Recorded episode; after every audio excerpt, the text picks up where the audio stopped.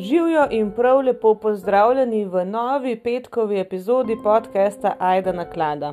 Načeloma smo se zmenili, da bo zdaj v petkih na vrsti kakšen kriptit, ampak ta petek bo tema čist drugačna. Uh, po pravici vam povem, da do pet minut nazaj sem bila prepričana, da ta petek pač epizode ne bo, ker sem vam to tudi povedala, da jo najbrž ne bo. Uh, danes je bil kar tak poln dan, pa pa sem se imela fino in nisem mislila na to, ampak potem sem pa rekla ne, pač nekatere zgodbe so preveč pomembne, hm, jih je treba povedati. Um, zdaj ne bo današnja tema situacija v Ukrajini, čeprav je tudi ena od takšnih zgodb, ki me kar mal stiska, bomo o tem še kaj na koncu povedali.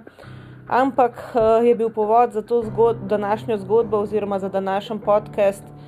Uh, povod je bila ena knjiga, ki sem jo prebrala včeraj, meni se zdi, ali predvčerajšnjem, um, ki je name naredila grozen vtis in uh, ta tema današnja bo izredno težka, sploh za tiste, ki težko prenašate nasilje nad otroki, ampak um, dejte stisniti zobe, dejte poslušati, ker bojo zelo pomembne stvari.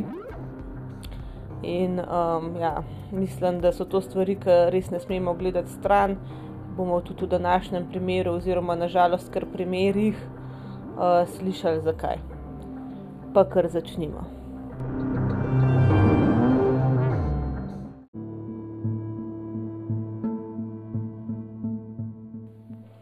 Najprej močkam pred zgodbe uh, iz založbe Modrijan mi je gospa Bronka poslala kakšen teden nazaj uh, sporočilo, ne, da pač bi mi poslala eno knjigo, za katero meni, da bi bila meni všeč, glede na moje delovno mesto in tako naprej.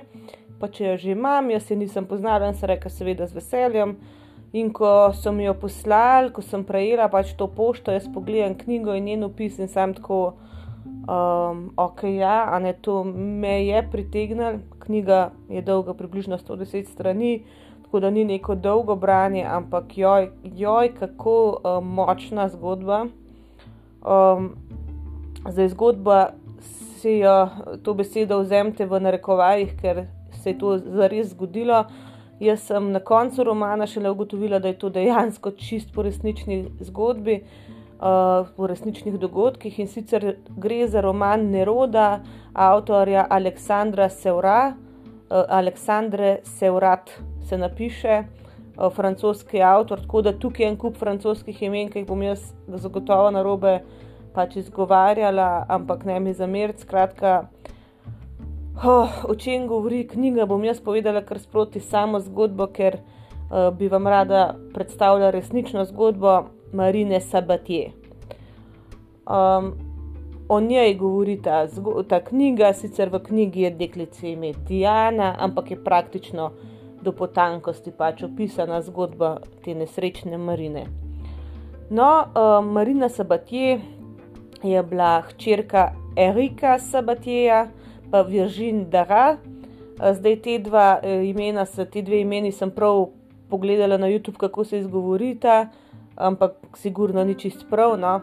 V glavnem, Viržin Dara je imela odprej že enega drugega otroka, pač fanta starejšega. In um, je zanosila z Marino, uh, mislim pa, če je bila noseča z Marino, uh, s tem Erikom, a ne. Uh, Erik uh, ni bil uh, oče od prvega otroka. V glavnem, uh, to je bila nezaželena nosečnost, uh, in starša od Marine sta se tekom nosečnosti razšla, tako da um, Marina Sabatije je bila rojena 27. februarja 2001, to se vse dogaja v Franciji. No? In um, Viržin uh, je v bistvu Marino želela roditi anonimno.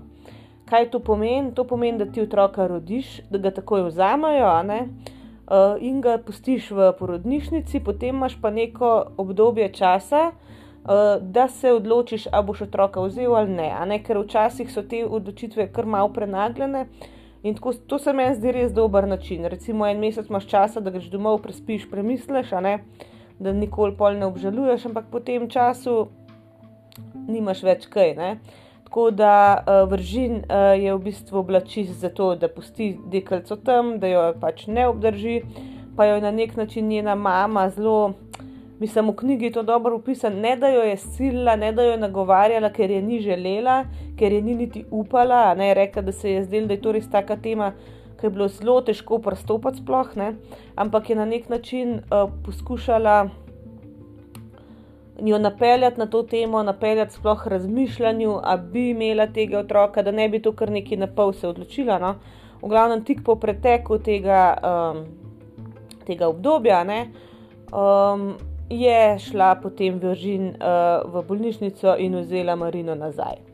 Zdaj um, z njenim očetom, se pravi z Rikom Sabatijem, je pač uh, spet uh, vzpostavila razmerje. Um, in uh, potem, ko so pač, ko sta imela Marino, uh, sta imela, mislim, da še tri otroke. No. V glavnem, družina je bila kar velika in v bistvu. Um, kaj hitro, potem, ko sta se nazaj uh, združila v to razmerje, uh, se je Vržin uh, z Marino in z svojim partnerjem odselila kar precej stran. Uh, tako da jo je recimo babica zelo malo krat videla, uh, je pa opažala, no, zdaj sicer ne vemo, je bilo to v resnici ali samo v knjigi. V knjigi je imela Marina še sestrično skoraj isto staro kot ona sama, ne? se pravi, sestra od Viržin je imela tudi uh, deklico in da je uh, stara mati opažala, no, da pač uh, uh, se Marina nekako počasneje razvija od druge deklice. Da je to nekajkrat tudi rekla, ampak ok, a ne se te, v teh najzgodnejših letih v bistvu razvoj še zelo niha, a ne hitrost razvoja. No, ampak da je babica opazila, da je imela Marina že približno pri enem letu en prstek mačkan čuden, ne pod enim čudnim kotom, da je tisti prstal. In da je Viržin uh, rekla, da je uh, padla iz tega trip-trap stolčka, a ne iz tega stolčka za hranjenje, in si je ta prst pač poškodovala in je zato malo čuden. Um, ampak ja, tekom let je bilo vse več teh nekih čudnih, uh, ne vem, poškodb in tako naprej. No? Tako da leta 2006 um, je pač sestra, ne od Viržin, uh, teta od Marine, uh, začela prvič direktno opažati to nasilje, ki se je nad Marino vršilo. Mislim, pač vsaj v uh, knjigi je bilo tako, no, da je pač Marina razbila ali polila nek kozarec in da jo je mama takoj vlekla pod mrzlo tuš, enkrat drugič je pa tudi nekaj naredila in jo je oče uh, pretepil tam ali nekaj v kolen zbunkal, tako da je imela pol čist zatečeno koleno. Ne? In je v bistvu um, rekla uh, ta pač sestra, da to ni normalno. Uh, mama, ni, njuna, ne se pravi, babica od Marine je tudi začela opažati nek tak čuden vedenje, pa predvsem čuden obnašanje potem od dekalce same. In je v bistvu poklicala na neko številko za pomoč, um, hotla dopovedati, kaj se dogaja, hotla oblasti na to opozoriti, ampak sploh ni prišla skozi, v bistvu ni znala niti povedati, kaj se dogaja, nič konkretnega. Tista oseba na drugi strani jo tudi ni znala dobro usmeriti, kar se meni zdi poglavitno. Da ti znaš osebe v taki, a ne to so stresne situacije, ne? in da ti znaš nekoga, ki je v tako stresni uh, situaciji, um, usmeriti, da izberete se, povejte mirno. Tukaj so drugi ljudje v stresu, ti, ki si profesionalc, moraš biti preseb, pa človeka usmerjati. Tako da tukaj je meni res bilo mučno tisti brat. Ne? Ampak ja, pač ni mogla uh, dopovedati, oziroma noben jo ni resno jemal. Leta 2007, se pravi, zdaj je bila Marina stara šest let, uh, se je uh, Marina pač vključila v šolo, upisala v šolo. Uh, in že na začetku je bilo učiteljem čudno, da pač zakaj je šele zdaj prišla v šolo, zakaj ni bila v noben predšolski program vključena. In so starši povedali, uh, da je pač uh, bilo, um, da je imela en kup zdravstvenih težav, da ima tudi nek zaostanek v razvoju.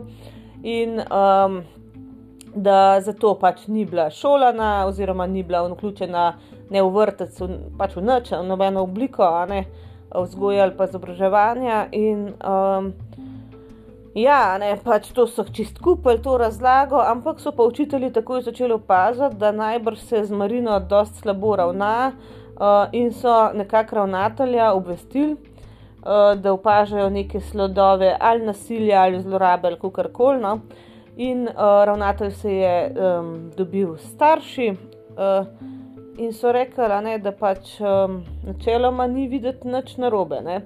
Zdaj v tej knjigi je odlično opisano, kako, v bistvu, kako so ti starši znali manipulirati z vsemi temi strokovnjaki, uh, ker, um, ker, ker so imeli en kup enih razlag, za vsako stvar so imeli uh, razlago, uh, to in tretje, vse, kako si je kaj naredila, pol da ima neko gen, gen, genetsko neko motnjo, neke težave, uh, da je zaradi tega bolj narodna, pa da se ji nekaj krine starjuje ali nekaj tazga in se vsaka modrica takoj pozna. V glavnem, oče je bil tako.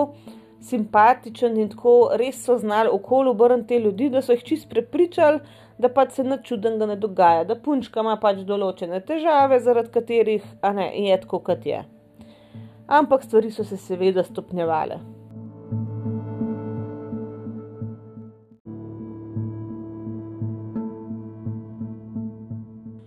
No, ker je bilo teh poškodb toliko več, so se obrnili tudi na šolsko zdravnico, uh, ki se je prav tako dobila starši.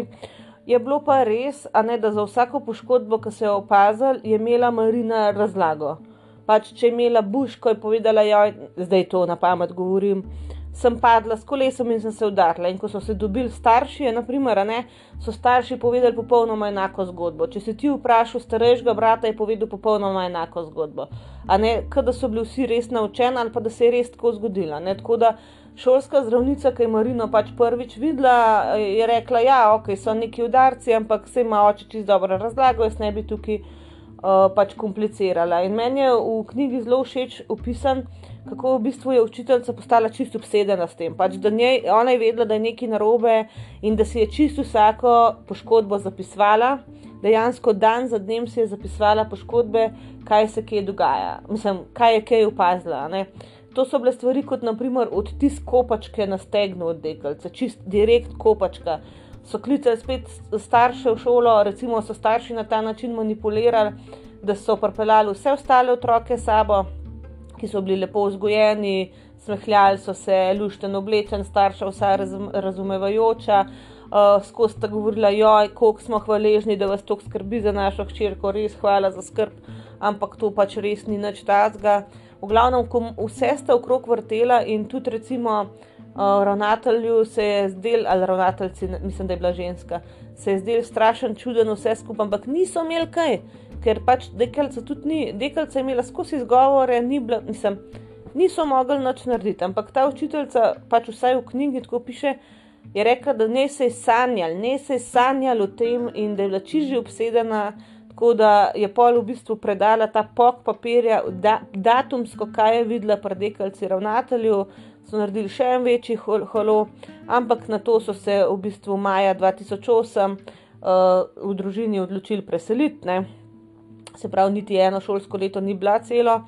In je v bistvu eh, začela Marina obiskovati drugo šolo, ampak je prva šola na to drugo šolo poslala cel pok tega papirja, pač vse, kaj so uh, naredili, kaj so opazili uh, in te zapiske od učiteljice.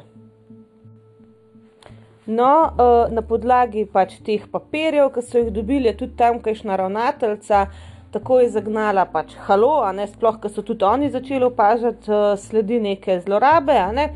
Um, in um, so pač uh, se združili s tem šolskim zdravnikom, takoj pač uh, ta primer uh, prijavili na socialno službo, um, na center za socialno delo ali karkoli pač oni tam imajo in uh, potem naprej tudi nekemu pač tožilcu. Zdaj, ne, te stvari so tam malo drugačne, tako da v knjigi je zelo natančno obrazloženo, kakšna služba je kaj.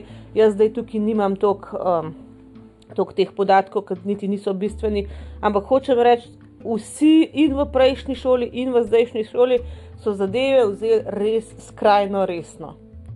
Julija 2008 uh, se je pač odprla preiskava tega primera in je uh, nek preiskovalni zdravnik uh, pregledal Marino in v bistvu na njenem telesu naštel kar 19 poškodb. Uh, ampak je Erik Sabatier, se pravi uh, oče od Marine, čist za vsako poškodbo znal pač povedati uh, nekaj čisto iz vsakodnevnega življenja, dogodek, ne, zaradi katerega je to poškodbo dobila. Um, in tudi uh, 23. julija 2008 uh, sta dva policista uh, zaslišala Marino sama, uh, vprašala sta jo tudi glede brazgotin, ki jih je imela. To, uh, to zaslišanje so tudi posneli in uh, so ga kasneje na sojenju staršema predvajali. In v glavnem. Um, ta punčka, sploh na tem posnetku, je bila zelo majhna za svoje leta, zelo bistra, uh, eh, vse čas se je smehljala uh, in tudi smejala. Uh, je bilo njeno vedenje mačkant tako infantilno, včasih videti, no? ampak za vsako stvar je imela čist nedožno uh, obrazložitev, ne? za čisto vsako brazgotino, vsako poškodbo, vsako modrico, vse. Um, kasneje, ne, na tem sojenju je Vižin Dara. Eh, povedala, da je uh, svojih hčerki grozila s tem, da ju ne bo nikoli več videla, če bo pač povedala kaj preveč policiji, tako da najbrž, a ne. Je bila um, Marina pač naučena, a ne, da, uh, da se je morala lagati, a ne. Uh, zdaj, uh, tudi vse te, uh, vsa pričanja so vse čas govorila, da je Marina do konca, skozi, skozi, skozi imela svoje starše rada, verjela njima uh, in da je uh, vsa, vse te razlage v bistvu zato si izmišljala, da bi svoje starše zaščitila. Ona je ščitila svoje starše, ne pa obratno. Ne? Zdaj, kot smo rekli, policija je upravila razgovore z vsemi upletenimi, z vsemi, razen z ljudmi, ki so v bistvu prijavili to zadevo. Se pravi, noben se ni usedel dol z učiteljico, z ravnateljico, s šolsko zdravnico, s prejšnjo učiteljico, z nikomor od njih. In 10. oktober 2008 je bila pač uh, strani državnega tožilca ta preiskava zaključena, brez kakršnih koli posledic, ker pač niso nikamor prišli. Um, so pa potem 9. marca 2009 spet odprli ta primer pri uh, socialni službi, se pravi, kot bi rekel, Center za socialno delo, zaradi tega, ker uh, se v bistvu uh, to sploh uh, mestna ta.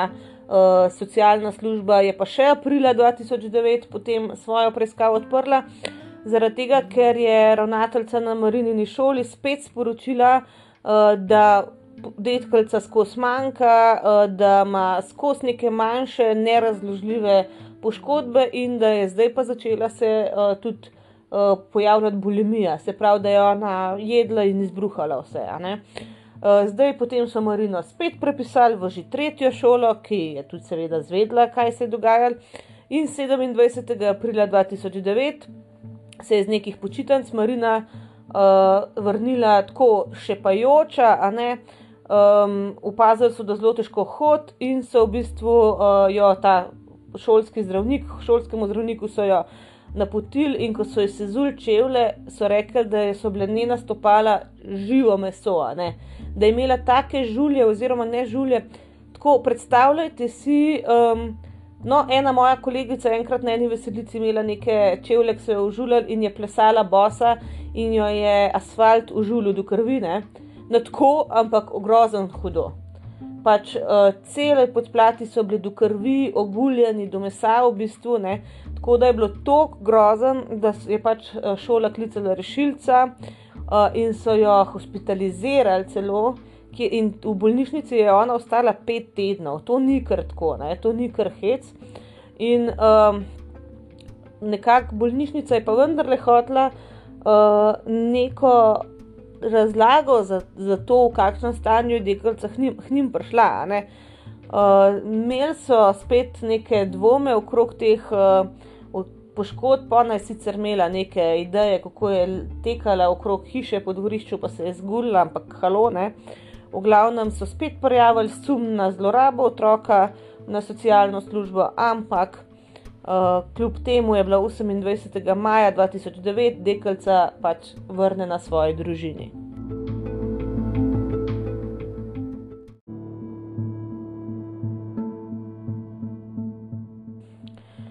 No, zdaj se je spet začela še ena preiskava strani Centra za socialno delo. Uh, nekako 25. maja 2009 se je pač odprl ta primer in junija 2009 je socialna delavka, ki je bila pač zadolžena za ta primer, uh, pa tudi tale um, oni rečejo nursery nurse, kot da bi rekel patronažna no, sestra, ne, sta obiskali družino Sabatje uh, in so rekli, da niso nobene, uh, nobenega elementa um, nevarnosti, ne našli tam opazili, nobene nevarnosti za otroka, da so bili otroci zelo sproščeni, da so se smehljali, ampak nažalost je vse skupaj vodil tako daleč, da je Marina umrla nekje uh, v noči 6. na 7. august 2009.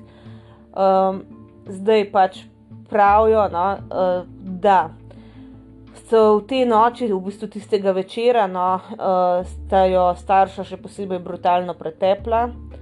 Uh, pustila sta jo v kleti golo, uh, pa je, da zadnja stvar, ki jo je ona izgovorila, je bila, da je imela glavobol, da jo boli glava, in potem je rekla, um, lahko noč, mamica, se vidi v jutr.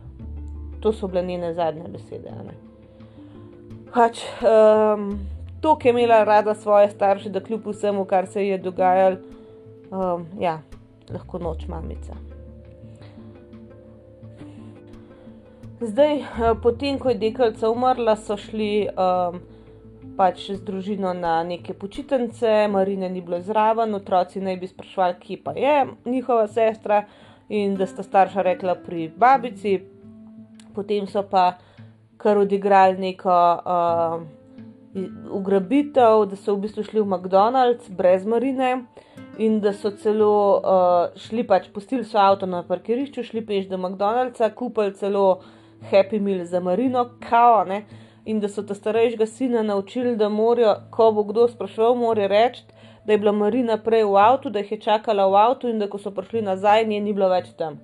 Ne, in ko res eh, pač eh, pridejo nazaj, mama rata histerična, oče rata uh, zaskrbljen, pač to je pa tipičen gaslighting. Ona dva sta dejansko prepričala otroke v to, da se je to res zgodilo. Čeprav je recimo ta starejši brat vedel, da Marine ni bilo z njimi, da jo ni videl že ne vem koliko časa časa, um, pač uh, je se pustil prepričati. In to je bilo že 9. septembra ne, 2009, to je bilo en mesec po, po njeni smrti.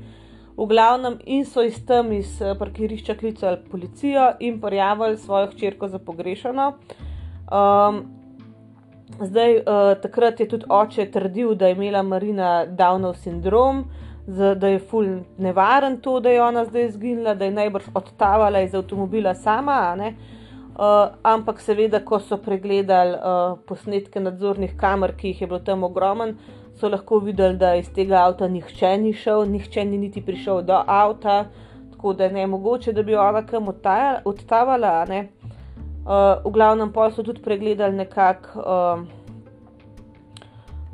fotografije od Marine, ki so jih dali ven kot pogrešana oseba in so ugotovili, zakaj pač je oče trdil, da ima Downov sindrom, ker če pogledate njene fotografije, ona je imela res tako malo poševne oči, ta, ta zabuhla, zabuho, zabuhla lica, ampak ona je bila taka zaradi tega, ker je tokrat bila pretepena, sploh po glavi, da je bila dejansko ne, čist, čist iznakažena. Ne. Uh, to je bila posledica pač teh zlorab. Uh, v glavnem, uh, če pogledate, če pogooglate njene slike, ko je bila ona čist mičke na papol pred smrtjo, res, da ni isti otrok. No. V glavnem, po treh, uh, po treh uh, dneh iskanja so v bistvu res preiskovalci ugotovili, da je uh, med informacijami, ki so jih starši nekako jim uh, dali, ne, veliko uh, nekih razlik. Ne, nekonsistentnosti, ne? uh, in potem ne, pod pritiskom sta starša priznala, in je uh, oče v bistvu jih odpeljal preiskovalce do dekličnega trupla, ki je bilo v neki plastični gajbi, uh, ki je bila napolnjena z betonom, uh, deklica je bila pa zavita v rjuho in deset plastičnih vrečk. Um, patolog, ki jo je pol pregledal, no, je rekel, um, da mislim, vzrok smrti je bil um, možganska krvavitev, uh, ki jo je povzročil pač udarec v glavo, oziroma več udarcev v glavo, pa tudi uh, v povezavi z zadušitvijo, ker so njeno glavo uh, vedno znova tunkali pod vodo, jo držali pod vodo, potem tudi pod hladitev in pa to, da je inhalirala bruhanje, nekaj pač potem se pobruhala najbrž. Ne, po tej poškodbi glave in je vdihnila tisto bruhanje. Tako da medtem, ko, um, ko je padla v to komo zaradi udarca v glavo, zaradi tega, um, ker je pljuča zalil, no je ona v bistvu umrla okrog 4. zjutraj 7. augusta 2009.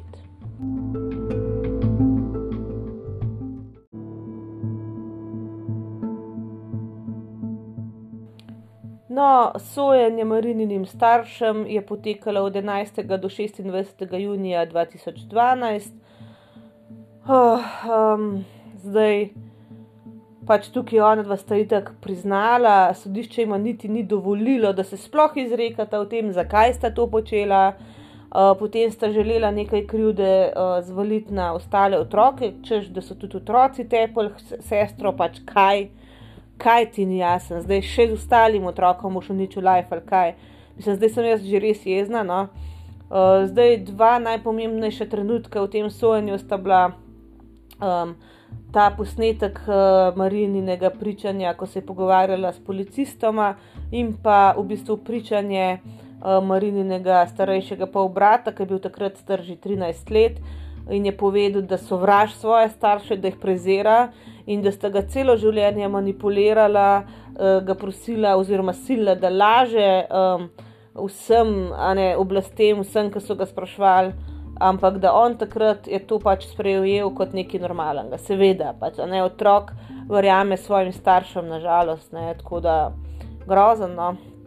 Um, na dan uh, obsodbe, se pravi, ko, ko je bila izrečena obsodba 26. junija 2012 sta bila oba dva starša, vsak posebej obsojena na 30 let zapora, 20 let nimata nobene možnosti pomilostitve. No? Za v bistvu njuna obsodba je bila za mučenje in barbarstvo, ki sta vodila do smrti njune 8-letne hčerke. Vse je pa seveda takrat dvignilo ogromen prahu glede pač upletenosti institucij, zdaj pač marinino mučenje, a ne te njene muke so trajale približno šest let. In v teh šestih letih je bila stvar uradno, uradno prijavljena ogromenkrat. Se pravi, babica jo je prijavila, mislim, je prijavila njene starše, teta. Vsi možni učitelji, pa ravnatelji, vsi v šolah so naredili vse. A veste, kaj to pomeni? vedno se kaže na nekakšne uh, izobraževalne institucije. Ne, vse so naredili. Ok, se je tudi policija, se je naredila zaslišanje, ampak ti starši so vedno tako zmanipulirali, pač ne vem. No. Recimo pol, uh, aprila 2009, ko je šola urgentno hospitalizirala dekelco. Če ti takrat ni jasno, da je nekaj narobe, pa kaj je zdaj s tem folkom? In zdaj tukaj pač ne vem. No. Tukaj se je pokazala, ne, kako v bistvu ljudje, ki so v tesnem stiku z otrokom, jim je še mar, to so recimo sorodniki, učitelji, drugi strokovni delavci v šoli, jim je mar, ampak kar se pa stvar od otroka fizično oddali, ko je to en zdravnik, ki ga ne vem, vidite enkrat na let, ko je to ena socialna delavka, ki ga vidite enkrat na let, pade stvar v vodo. Zdaj jaz ne rečem, da je prnast, ko jaz zdaj govorim za ta konkreten primer. Ne um, zdaj pa nas nam govorila, kako je, ampak verjamem, da je težko biti pameten, pa težko oceniti, sploh ko starši manipulirajo, kot so tukaj. Ne? Ampak grozen, grozen. Tukaj je šla pol francoska javnost v luft in so rekli, da zdaj bi, da bi se morali pogovarjati o tej situaciji pred in po Marini. Pač da po Marini bi se morali nekaj spremeniti. V Parizu je bil nek um, marš, nek pohod, uh, za Marino uh, 18. novembra 2012, um, da bi se pač karkoli v tem um, Child Protective Services, a ne pač uh, spremenili. No. Uh, čeprav po drugi strani je pa ogromno ljudi tudi zagovarjalo vse v, v pač upletene inštitucije, sploh socialno službo. Um, Ja, ne, da pač oni so z vsemi, uh, z vsemi zakoni, v skladu z vsemi zakoni delali, da so vse naredili, uh, pač karkoli so lahko, ampak da je tudi nevaren neke uh, zaključke vleči, če nimaš dovolj dokazov. Ampak jaz mislim, da če ti vidiš otroka, ki je tako poškodovan, ki mora za pet tednov iti v bolnico, zato ker si ne vem. No. Ne vem, ne vem, kaj ne rečem, bom pa še nekaj povedala. Zdaj le pač jaz ne govorim o svoji službi, ponovadi, ker se ne tiče ničesar kle. Ampak Marina je bila, vse, je bila otrok s posebnimi potrebami, imela je določene razvojne motnje. Uh, in um, recimo ti otroci, tudi jaz imam učence ali pa sem jih imela, ki ima ne vem, ali motnje pozornosti, ki se hitreje potovče, ki je v splav, ki pade, ki je nestabilen, recimo gibalno uveran. Pa karkoli ga vprašaš, kaj si je naredil, je, ne more biti zanesljivo. Ne? In recimo jaz verjamem, da je težko oceniti, kdaj je pa panika. No? Pač to, sploh pri tej skupini otrok, je najbolj zelo težko oceniti. Ampak to, te poškodbe, ki vam jaz zdaj govorim, ki jih jaz kdaj vidim, niso niti poškodbe. Ne vem, otrok je plav na boku, ampak to je bil plav kdaj tudi šole, ki se je zvrnil skupaj z vem, stolom, ured se je zvrnila, dekalca in je imela modrico pol tam. Ja, pa kaj? A sem jaz kriva, da se je zvrnila? Ne. A je ona kriva? Ja, tudi ne. Sam pač ima nepredvidljive gibe in je padla. To je posledica njene motnje, naprimer. Ne? Ne? Zdaj, ampak če bi pa ta dekalca prihajala tako poškodovana, da komi hod, ali pa jo brez razloga dva tedna ne bi bilo, pa prišla pol vsa plava, to je pa druga stvar. No? Mislim, ne vem, tukaj je ful, ful tanka moja in jaz spoštujem vse te ljudi, ki so z njo delali v šolah, koliko del so šli ker verjamem, da je to tako težko, pa tako hitro se zapleteš v stvari, ki se te ne tičejo. Ne? Mi moramo tudi vedeti, um, mi moramo tudi vedeti, da načeloma um, ti kot učitelj, ne, te ne sme zanimati, uh, kaj se doma dogaja. V smislu, pač, da je to neka zasebnost, zasebno življenje teh otrok, teh družin, ki se te ne tičejo. In zdaj, kje je ta meja, ko se ti vprašaš, hej, hello, kaj se pa dogaja doma. A veste, kaj mislim? Ne? Pač ja, meja je takrat, ko je otrok v nevarnosti, ampak spet, kdaj veš, da je. Ne? ne da zagovarjam te ljudi, ampak dajem velik poklon vsem tem učiteljem, vsem tem, uh, recimo, ravnateljem, šolskim zdravnikom, kakorkoli ki so si upali te stvari prijaviti, ki so jih prijavili, ki jih morajo prijaviti, ampak so šli to gdel. Ker imaš lahko včasih veliko sitnosti s tem, pa včasih narediš tudi napako, ampak da so si rekli, ne, ne, tukaj pa mi črto potegnemo. Tako da grozen, kako se je to končalo.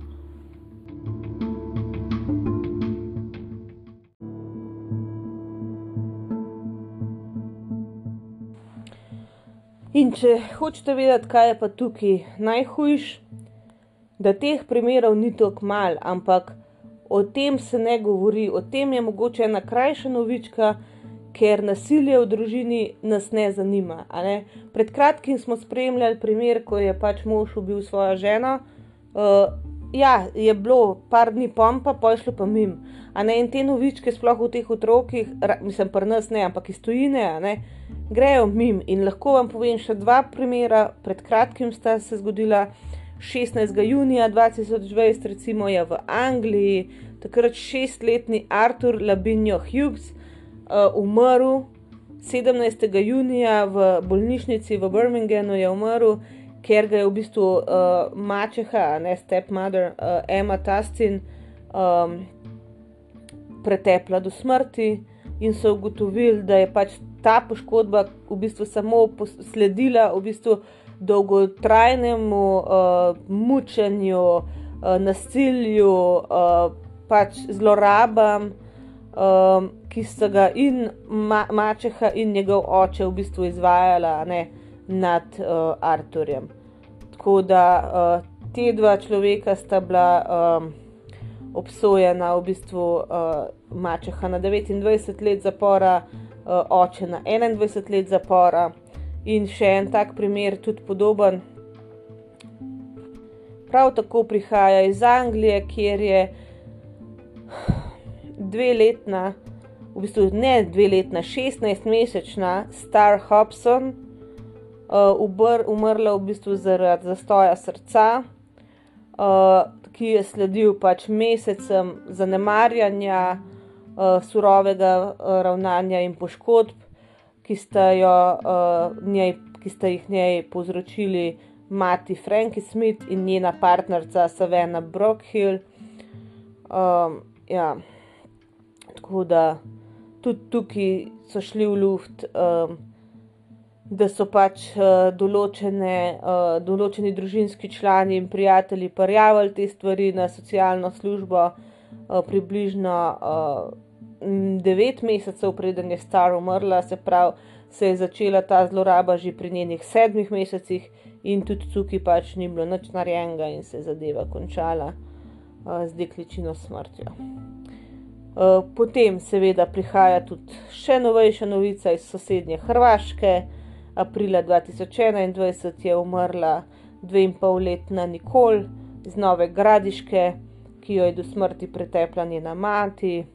Uh, tudi njena babica je večkrat prijavila svojo snaho, da je nasilna. Uh, pač. Noč ni bilo, uh, noč ni bilo narejenega, je pa tudi nikoli umrla zaradi hudih udarcev v glavo zaradi tega je pač padla v komo in potem umrla. Pa seveda, da ne pozabimo na lepo našo Slovenijo, kjer je pred časom odmeval primer uh, jeseničanke Aline 2017, je bilo to, ki je pa tudi umrla pod udarci. Naj bi jo trpi, trpinšla in mati in očim, uh, ubil naj bi jo potem očim, ampak sta bila oba dva zaprta zaradi tega krutega ravnanja z otrokom. Tako da to niso stvari, ki so tako redke. Uh, je pa najbrž o tem zelo težko govoriti. Zakaj je težko govoriti? Ker hočemo, vsi hočemo pozabiti, da to obstaja. Ne? Ampak val, da obstaja. Sej vemo tudi ta shaken baby syndrom, koliko dojenčkov še vedno umre zaradi tega, ker jih stresajo starši. Bom pa še nekaj zdaj tukaj rekla, sploh ta shaken baby, baby syndrome. Ogromen tega je, sploh ko gre za dojenčke, zaradi uh, ali poporodne depresije, ali zaradi neke anksioznosti pri starših, se pri mamah, sploh recimo, ki se nimajo na koga obrniti, ker ne dobijo potrebne pomoči. Ampak v teh primerih, ki smo danes govorili, sploh pri primeru Marine, Sabatje uh, je pa pač čist sama krutost, ker ostali tri otroci so bili čisto v redu, uh, so, je bilo za nje dobro poskrbljeno, razen to, da so pač bili priča tem uh, krutnim dejanjem, ampak uh, očitno je bila ona že od začetka tako nezaželena, da je tudi na koncu žal ni. Uh, Mela sploh priložnosti, da vod eno lepo življenje, da živi eno lepo življenje, ali pa da sploh živi. Zdaj, kako je v Sloveniji s tem, uh, kar se tiče nasilja v družini, kakršnega koli, če ga opažate, če ga zaznate, prijava je vedno na 113, se pravi na policijo. Zdaj, možnost je tudi, da pač osebno prijaviš uh, na policijski postaji, uh, tudi na državnem tožilstvu, um, lahko pa tudi pač, uh, anonimno e-prijaviš uh, to vedenje. Samo to pa pravijo, da ni jih zaželeno, ker take, takih prejav anonimnih ne, ne morejo jih kot nujne obravnavati, ne, uh, in potem seveda zadeve zastarajo lahko. Um, tudi, ko gre za otroke, ki so žrtve nasilja, pravijo, da ne anonimni, samo v skrajnih primerih ostanejo, da je res pomembno, pač, ne, da se hitro ukrepa. Zdaj, uh, ko se ta prijava vloži, ima lahko žrtev, če žrtev sama prijavi, uh, sabo zaupno osebo, se pravi nekoga, ki je lahko njej v oporo v teh postopkih, uh, naredi se nek uradni zapis, zapisnik, recimo, uh, če policija sama zazna, da je bilo. Um, Storjeno neko kaznivo dejanje, lahko v tem sestavi samostojni uradni zapis oziroma uradni zaznamek, če dejanje pove otrok, se sestavi tudi zapis, eh, prijava se pa tudi po pošti lahko, a ne uloži. Um, bodo pa tudi pol kasneje, a ne policisti, dodaten pogovor s prijaviteljem uh, opravili. No. Um, pomembno je tudi, da vsak, ki se odloči to prijavo uh, uložiti, sodeluje v nadaljnih postopkih, da postane nekak glas te žrtve, tega otroka, da zmore pomagati uh, in da pač zmore tudi ustrajati, da njegov glas doseže nek, nek namen. Ne. Um, In še to, ne, eh, kaj me bodo vprašali o prijavi. Ne, to najbrž se veliko ljudi to sprašuje, če je v tej situaciji, upam, da niste. Ne. Ampak uh, veliko ljudi odlaša, ker ne vejo, kaj morajo povedati. Um, v glavnem, najpomembnejše za policijo pravijo, je, da, da je varnost pa zaščita žrtve, da lahko veliko ukrepov policija sprejme, da žrtev ob, obvaruje pred, pred nasiljem ampak za to potrebujejo čim kakovostnejše informacije. Se pravi, oblike nasilja, čas nasilja, kraj, kje se to nasilje dogaja. Uh, informacije o ostalih ljudeh, ki karkoli o tem vejo. Mogoče, če imate kakšne zdravniške izvide, fotografije poškodb. Uh, potem uh, ra, uh, zapise o, tem, uh, o teh kakšnih grožnjah, naprimer, če ti je nekdo maile, SMS-e pošiljal uh, z grožnjami potem, eh, če si ti žrtev nasilja, pa so bili otroci priče, jih tudi to zanima, kako so otroci to doživeli. Uh, v glavnem, pač čim več stvari povedati, lih zaradi tega, da pol znajo ukrepati, ker se pravim.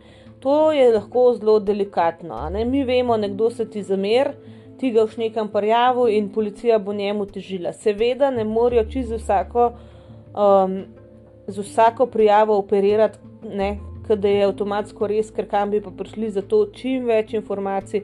Tako, naprimer, ne, kad so primarini v šoli delali, vsako upa, upaženo stvar zapisati, fotografirati poškodbo, a ne čim, čim več enih informacij pripraviti, preden se zadeva pač prijavi. Um, zdaj jaz ne bom rekla, kakšne so moje izkušnje s tem v Sloveniji. Jaz konkretno nisem, hvala Bogu, imela nobenih izkušenj moji učenci so vsi iz nekih ljubečih družin, um, res nimam kaj reči, uh, imam to srečo, predvsem jo imajo pa otroci, jaz vsakmu otroku privoščim neko ljubeče okolje. Sem pa že videla, spremljala postopke, ko je bil otrok deležen nasilja v družini in sem opazila iste vzorce, selitve sem in tja, šole na šolo da bi se stvar vmes malo pozabila, potem oduzem otroka, namestitev v rejniško družino, vrnitev otroka, namestitev matere in otroka v neko varno hišo. V glavnem vse sorte se probava. Um, jaz upam, da ta konkreten primer je zdaj v redu, uh, videti je, da se je zadeva nekako rešila. Uh, je pa res, ne, da javnost obe, obe variante zelo različno sprejme. Ne, vse vemo, včasih pa oduzamejo kakšnega otroka iz družine in se cela javnost potem dela pametne, da pa to ni prav. Ne.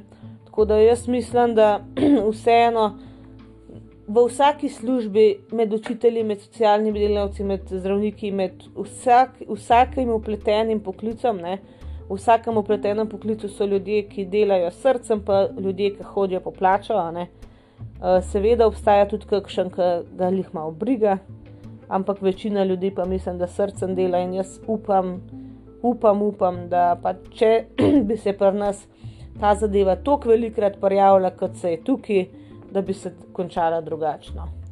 Jaz sem prepričana, no, da bi se, ker tukaj so ogromno naredili. Ne. Jaz, če si predstavljam, da bi mi v šoli nekaj tako konkretnega pojavili, jaz mislim, da ta otrok, ne vem, no. ne vem, če bi bil še doma. Ja, tako da to je to za danes.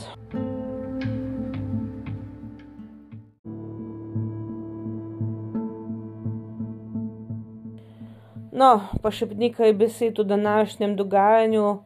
Uh, kot vemo, je danes zdaj Rusija napadla Ukrajino, to, kar se zdaj tam dogaja, je hudo, hudo. Uh, jaz sem preveč komentirala, ker se ne spoznam toliko na situacijo, nočem biti zdaj nek poznavalec tega, ker nisem ampak um, grozno. Um, jaz upam, da se to umiri, da, da se nekako na nek način reši, ker tole je lahko res sranje. Uh, pač jaz mislim, da ljudje malo um, mal zelo z lahkoto jemljemo ta mir, v katerem živimo uh, že zelo dolg. Tako da današnji uh, ostanite varni, pa zdravi, vam rečem še veli srca. Uh, poslušamo se naslednji teden, ostanite varni in zdravi. Jaz upam, da vas ta epizoda ni čisto zamorila, ampak žal tudi take stvari se dogajajo in so pomembne, da jih vemo. Tako da ostanite varni in zdravi in se poslušamo. Čau, čau.